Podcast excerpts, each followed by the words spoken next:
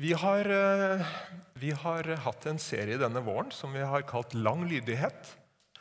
Og eh, jeg tror mange av dere har i hvert fall vært på én eller to av de. Lang lydighet. Derfor så har dette holdt på en stund. ikke sant? Det tar tid å komme gjennom sånne ting. Og det handler om eh, det å være en disippel i en kultur som eh, egentlig ikke har rom for Gud, og som alltid tenker sånn som Gud tenker. Men vi tror at eh, noe av det budskapet er viktig fordi at eh, Det er så lett å gi opp veldig fort. Det er mange som har blitt kristne opp igjennom. Og så var det veldig fint med en gang. Gode følelser og Kanskje du opplevde noe også som var eh, flott. Men så, så, går det over litt tid, og så, og så detter man fra på en måte. Og det er så synd. Det er så synd. For jeg vet at det, det er så mye som de ikke fikk oppleve. Og Nå tror jeg at Gud kan huke mennesker inn igjen, for all del. Men vi må oppmuntre hverandre til det lange løpet sammen med Jesus. Det er så bra, for da tror jeg faktisk at eh, vi kan få tak i så mye av det som Jesus har tenkt for oss. Og som han Øystein Gjerme sa eh, forrige søndag her Vi får et bedre liv i etterfølgelse av Jesus. Det gjør vi. Denne salmen som vi skal lese i dag, det er salme 131. Og overskriften på den, det er ydmykhet. Det er ydmykhet. Og jeg vet ikke hvilke forhold du har til det ordet. Det er på en måte et litt sånn eh, Litt spesielt ord. Ehm, hva vil det si å være ydmyk? Og eh, kanskje du tenker er jeg ydmyk?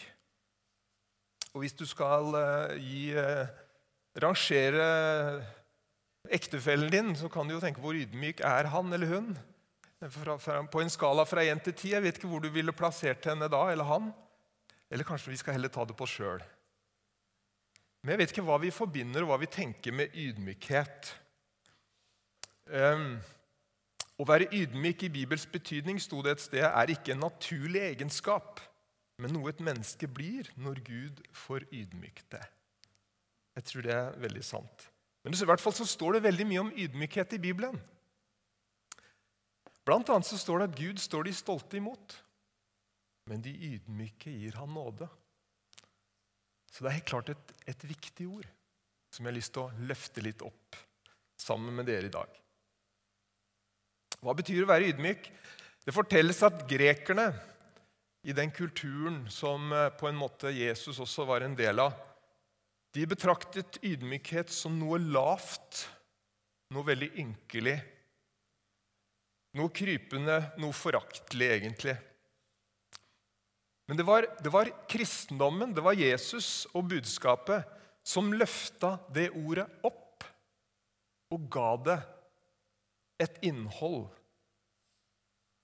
Og Jesus selv han gir jo ordet status i det han sjøl sier Lær av meg, for jeg er ydmyk av hjerte. Så Sånn sett så ble dette ordet noe veldig positivt.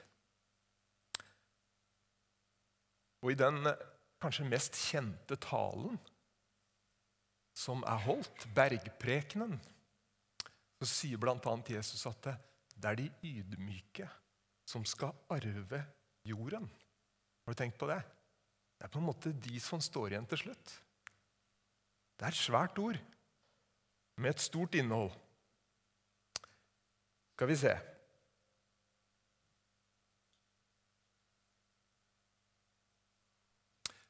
Det er en som har sagt at ydmykhet og tillit til Gud er to sider av samme sak. Likeledes er stolthet og tillit til egne prestasjoner to sider av samme sak. Nå skal vi lese den bibelteksten sammen. Det er fra Salme 131, og den, den, den salmen har jeg aldri talt om før. Dette blir spennende. Skal du være med å lese? Herre, mitt hjerte er ikke stolt. Mine øyne er ikke overmodige. Jeg gir meg ikke av med ting som er for store og for underlige for meg. Sannelig, jeg har fått min sjel til å være stille og tie som et avvent barn hos sin mor. Som det avvente barn er min sjel hos meg. Vent på Herren, Israel, fra nå av og til evig tid.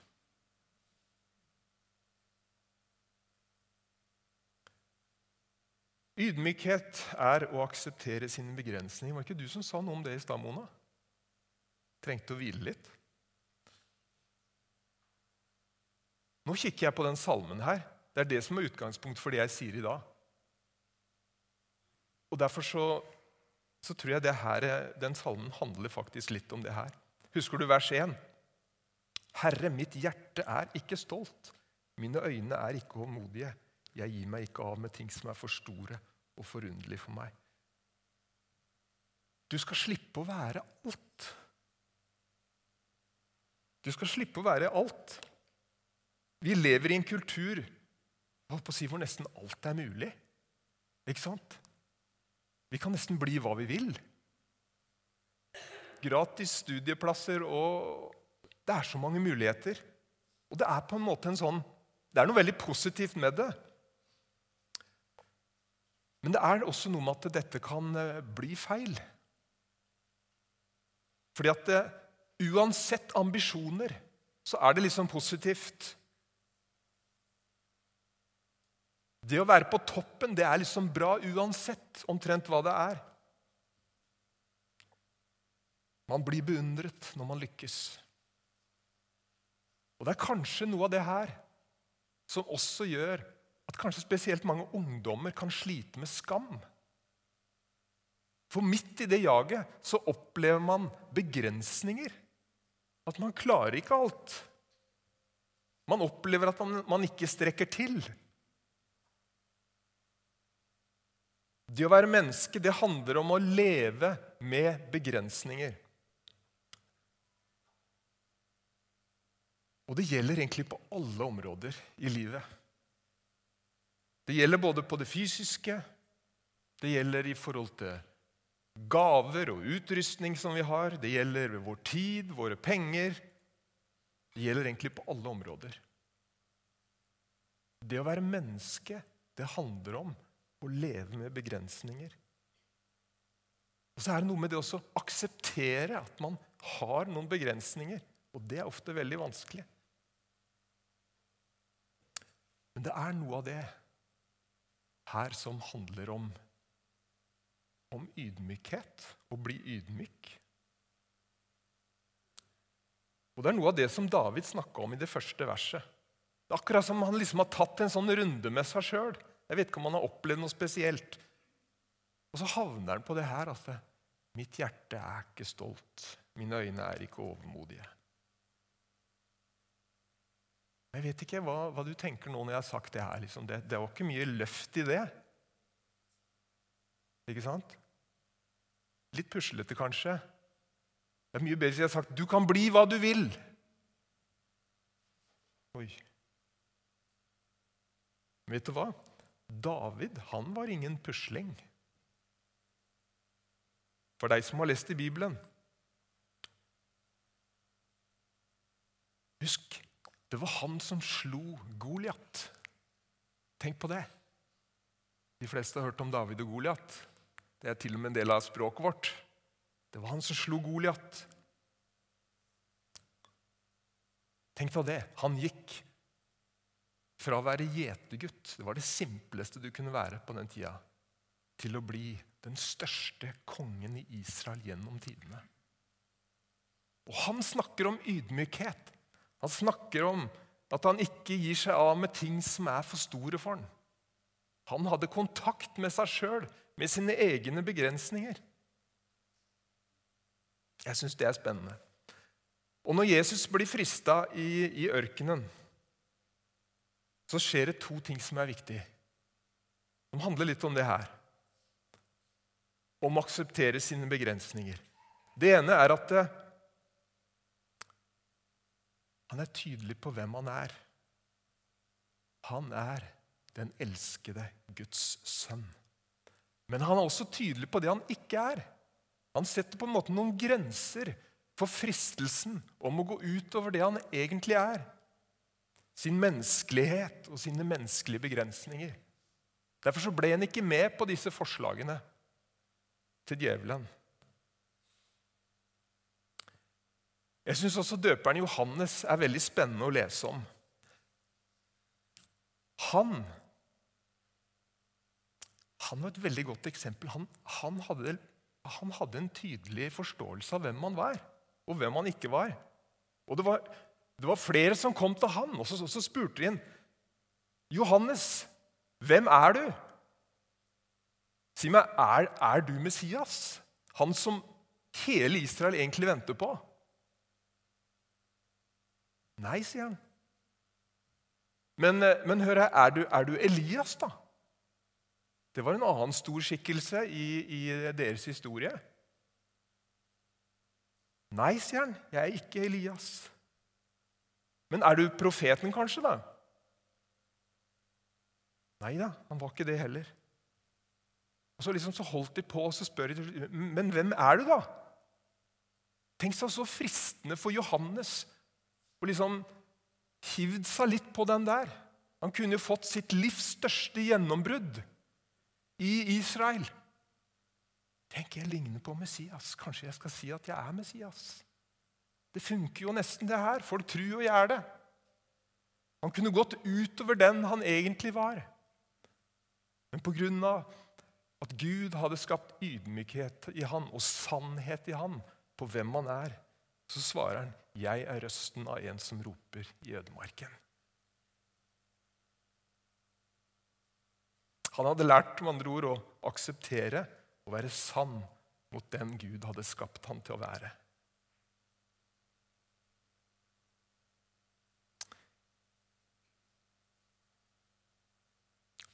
Og det er klart at det, når jeg, sånn som Inger og jeg, da, som, som, er, som, er, i den stillingen og funksjonen som vi er her nå, så, så, så er det jo på en måte lett å noen ganger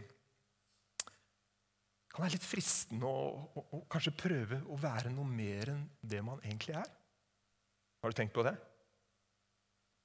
Det er, liksom, det er så mye en egentlig har lyst til å få til.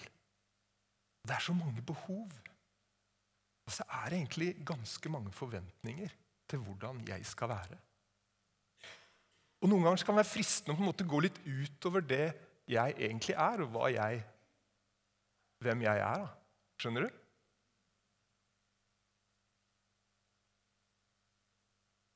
Det kan jo hende også noen her har tenkt at Tenk om han hadde vært litt mer sånn som Tor Einar, han som var før meg. Han hadde jo mye bra. Jeg hadde trengt litt mer av det. For ikke å snakke om Arne Øystein Rambekk. Er det noen som har tenkt det her? Du trenger ikke å rekke opp hånda. altså. Jeg skal bare tilsi deg syndenes forlatelse hvis det er noen som har gjort det. Hadde han ennå hatt litt mer Arne Øystein Rambekk? Hæ? Gjerne si det til faren din, altså. Og Noen ganger har jeg også tenkt tenk om jeg hadde hatt litt mer av det som Tor Einar hadde. Litt mer av Arne Øystein Rambekk, den kunnskapen som han har og den flotte måten som han formidler evangeliet på. Men vet du hva? Det er ikke meg. Jeg er Trond Moi, sønn av Hardy Moi, typograf, født på Bjørntvedt, en enkel mann. Men vet du hva? Jeg, det er Guds viktigste gave til meg. Og vet Du hva? Du, akkurat sånn som du er, med dine begrensninger, det er Guds største gave og viktigste gave til deg. Du må ta imot den gaven. Og så må du ikke tenke på hva du ikke er, men du må takke Gud for hva du er. Og når du gjør det, så er du ydmyk, og du gir ære til Han som har skapt deg. Det er ydmykhet.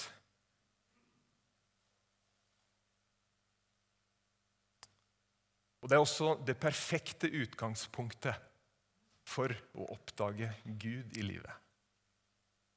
Når ikke vi har alt, og når ikke vi er alt, så trenger vi noen rundt oss. Vi trenger mennesker rundt oss, og fremfor alt, vi trenger å oppdage Gud i livet vårt. Det var noe av det her også som var starten, startpunktet i Jesu liv. Og for å si sånn, Det var også startpunktet i Davids liv. Jeg hadde noe om David der også. Jeg glemte kanskje det. Ja, det blir for mye.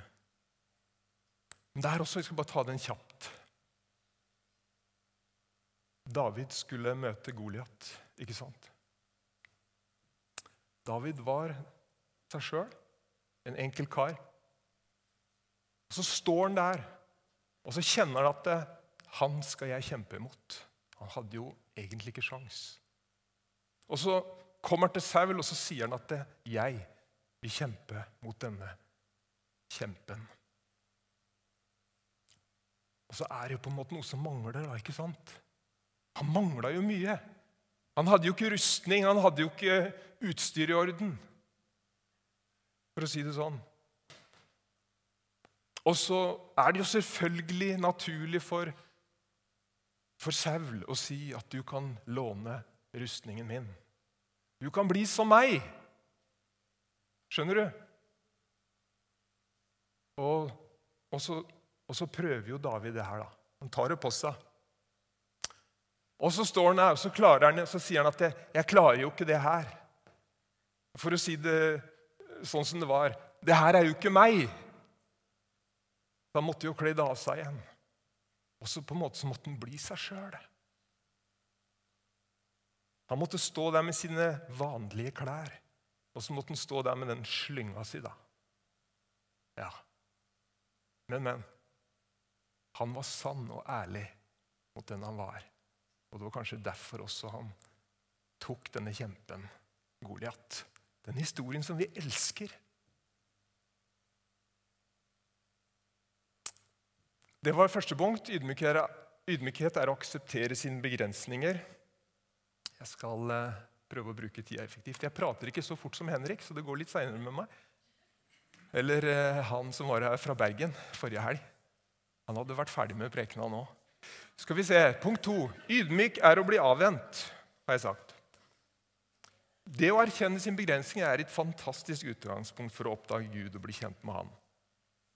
I, det, i, vers nummer to i denne salmen så, så lanserer David et, et sånt bilde. Han fikk se for seg et sånt bilde. Eh, han snakker om det avvente barn hos sin mor. Og Så sier han sannelig, jeg har fått min sjel til å være stille og tie som et avvent barn hos sin mor. Som det avvente barn er min sjel hos meg. Er det noen som har hatt småbarn her? Det tror jeg det er og som har eh, liksom vært, vært, i det her eh, med amming. Det er veldig koselig tid. Og de små de er så søte. Ikke sant? Jeg skal snart bli bestefar, forresten. Det var godt for å si det. Men, det men, de er utrolig selvopptatte og egoistiske. Har du sett maken? At det går an å være så søt og i tillegg være egoistisk og selvopptatt. Men det funker når du er så liten. Og på en måte så De blir universets sentrum. Alt dreier seg om dem. Og så hyler de, og så gråter de med en gang det er et behov som oppstår. Som ikke dekkes med en gang. Tenk å ha hatt det sånn. Men det er godt at det fins mødre som er utstyrt med melk. Det har jeg takka Gud for mange ganger, det. Det funka bra. Alt handler om barnets behov. Og for å si Det sånn, det er sjarmerende når barna er små. Men jeg har jobba med sånne som er store på utsida og veldig små inni seg. Og som er på det samme stadiet, og da er det ikke så sjarmerende. Altså. Når de plutselig ser at her, all den sjokoladen der vil jeg kjøpe, og så, så har de ikke nok penger, så må du si det til dem. Da kan du tenke deg hva som skjer. Da setter de seg på gulvet i butikken eller legger seg. Og da er det ikke så sjarmerende. ikke sant? Det er sjarmerende en stund. Og det er noe av det som også jeg tror David snakker om her. Det er så lett at du og jeg også, i vårt forhold til Gud, på en måte blir universets sentrum. Alt dreier seg på en måte om mine behov og der jeg er. Og Så blir vi kjempefrustrerte når Gud på en måte er taus. Når bønnesvara uteblir og ting skjer som vi ikke forstår. Hvorfor Gud? Det er så lett å stille spørsmålet hvorfor Gud? Hvorfor bryr du deg ikke om meg? Hvorfor har jeg ikke lenger de gode følelsene som jeg hadde før?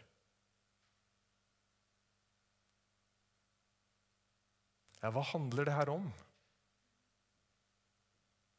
Ydmykhet er å bli avvent. Jeg satt og forberedte meg.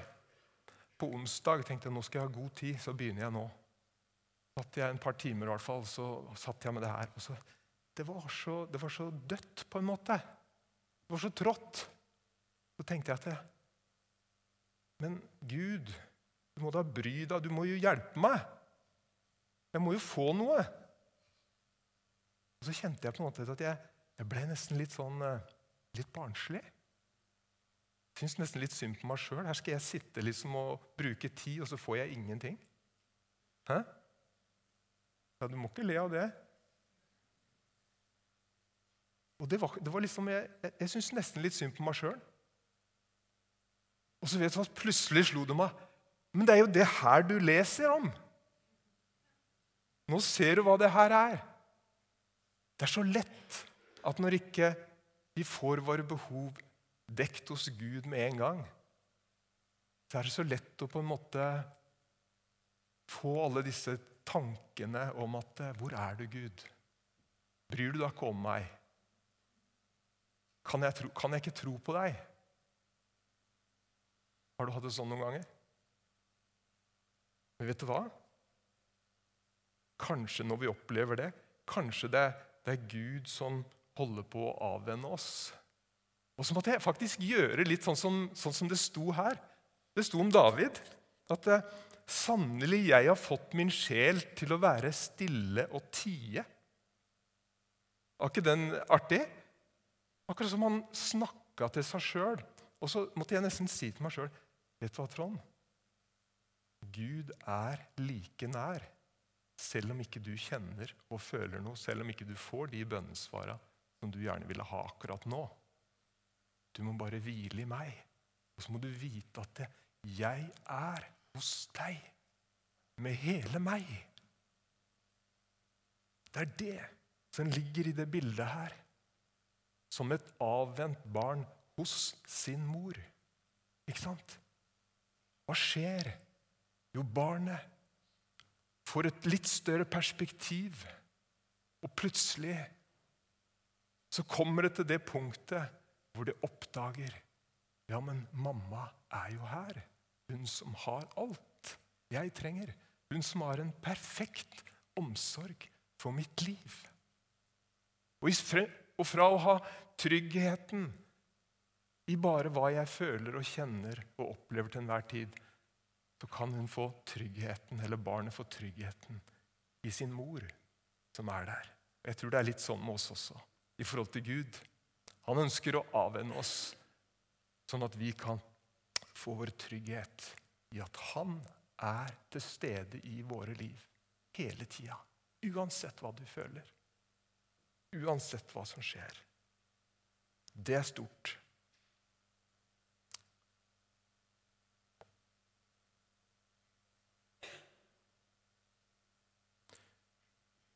Ja, hva sa vi? Ydmykhet og tillit til Gud er to sider av samme sak. Så har jeg ett punkt til. Ydmykhet er å tåle å vente. Det er det siste verset i det vi leste. Vent på Herren Israel fra nå av og til evig tid. Og for å si sånn, Det er jo et forferdelig vers. Vent på Herren fra nå av og til evig tid. Du har ikke tenkt på det verset? Du har lest det sikkert mange ganger. Men jeg må, jeg må være ærlig og innrømme eh, til dere at jeg er veldig dårlig på å vente. Det kan Inger bekrefte. Hun sitter her på første, første benk. Og så syns jeg også at jeg venter ganske mye. Men så har jeg funnet ut det at eh, hvis jeg skal leve sammen med min kone, så må jeg lære meg å vente. Ikke le nå. Vent. Og det er ikke fordi Inger er treg, for hun kan være veldig effektiv. Men hun har et annet perspektiv på livet, tror jeg. Det er det jeg har kommet fram til.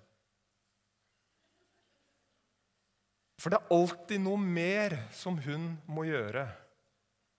Og det er alltid en person eller to til som hun må snakke med før hun kommer.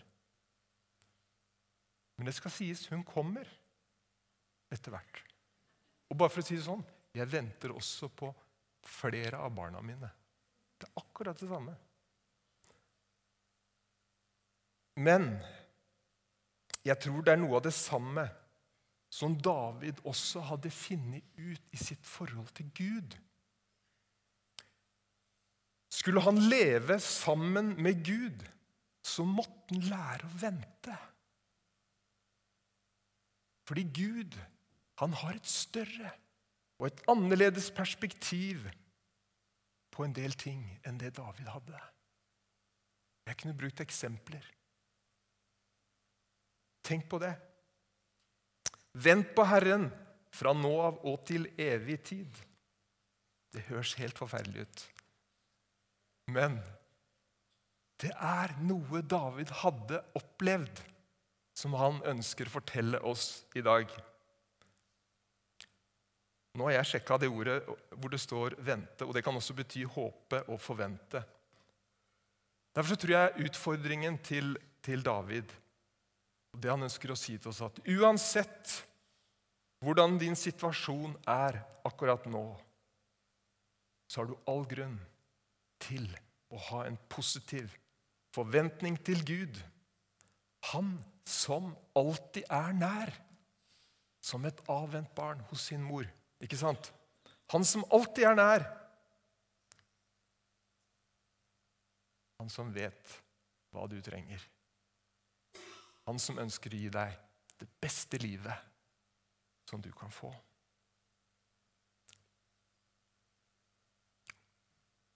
Så skal jeg gi deg et veldig fint ord som sier faktisk noe om dette med både ydmykhet og det å vente. Ydmyk dere da under Guds mektige hånd, så han kan oppbøye dere når tiden kommer. Kast all deres bekymring på ham, for han har omsorg for dere. Er ikke det et fint vers? Gud er glad i oss, og Gud følger med. Han vil reise oss opp når tida er inne. Helt til slutt en, eh, en stor forkynner som levde for mange år siden. Han heter Spurgeon. Han har sagt at den salmen her det er en av de korteste å lese men en av de lengste salmene å lære.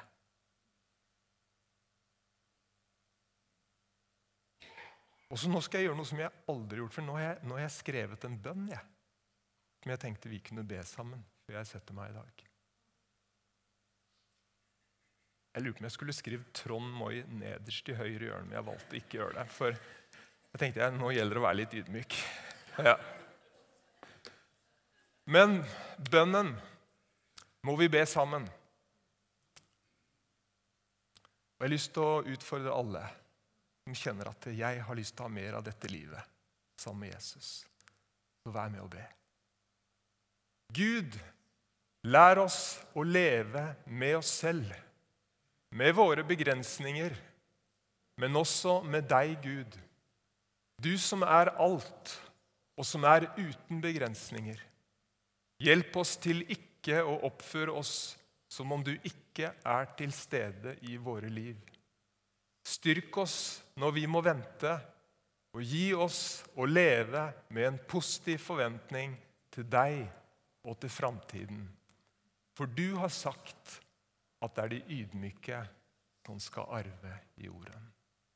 Amen.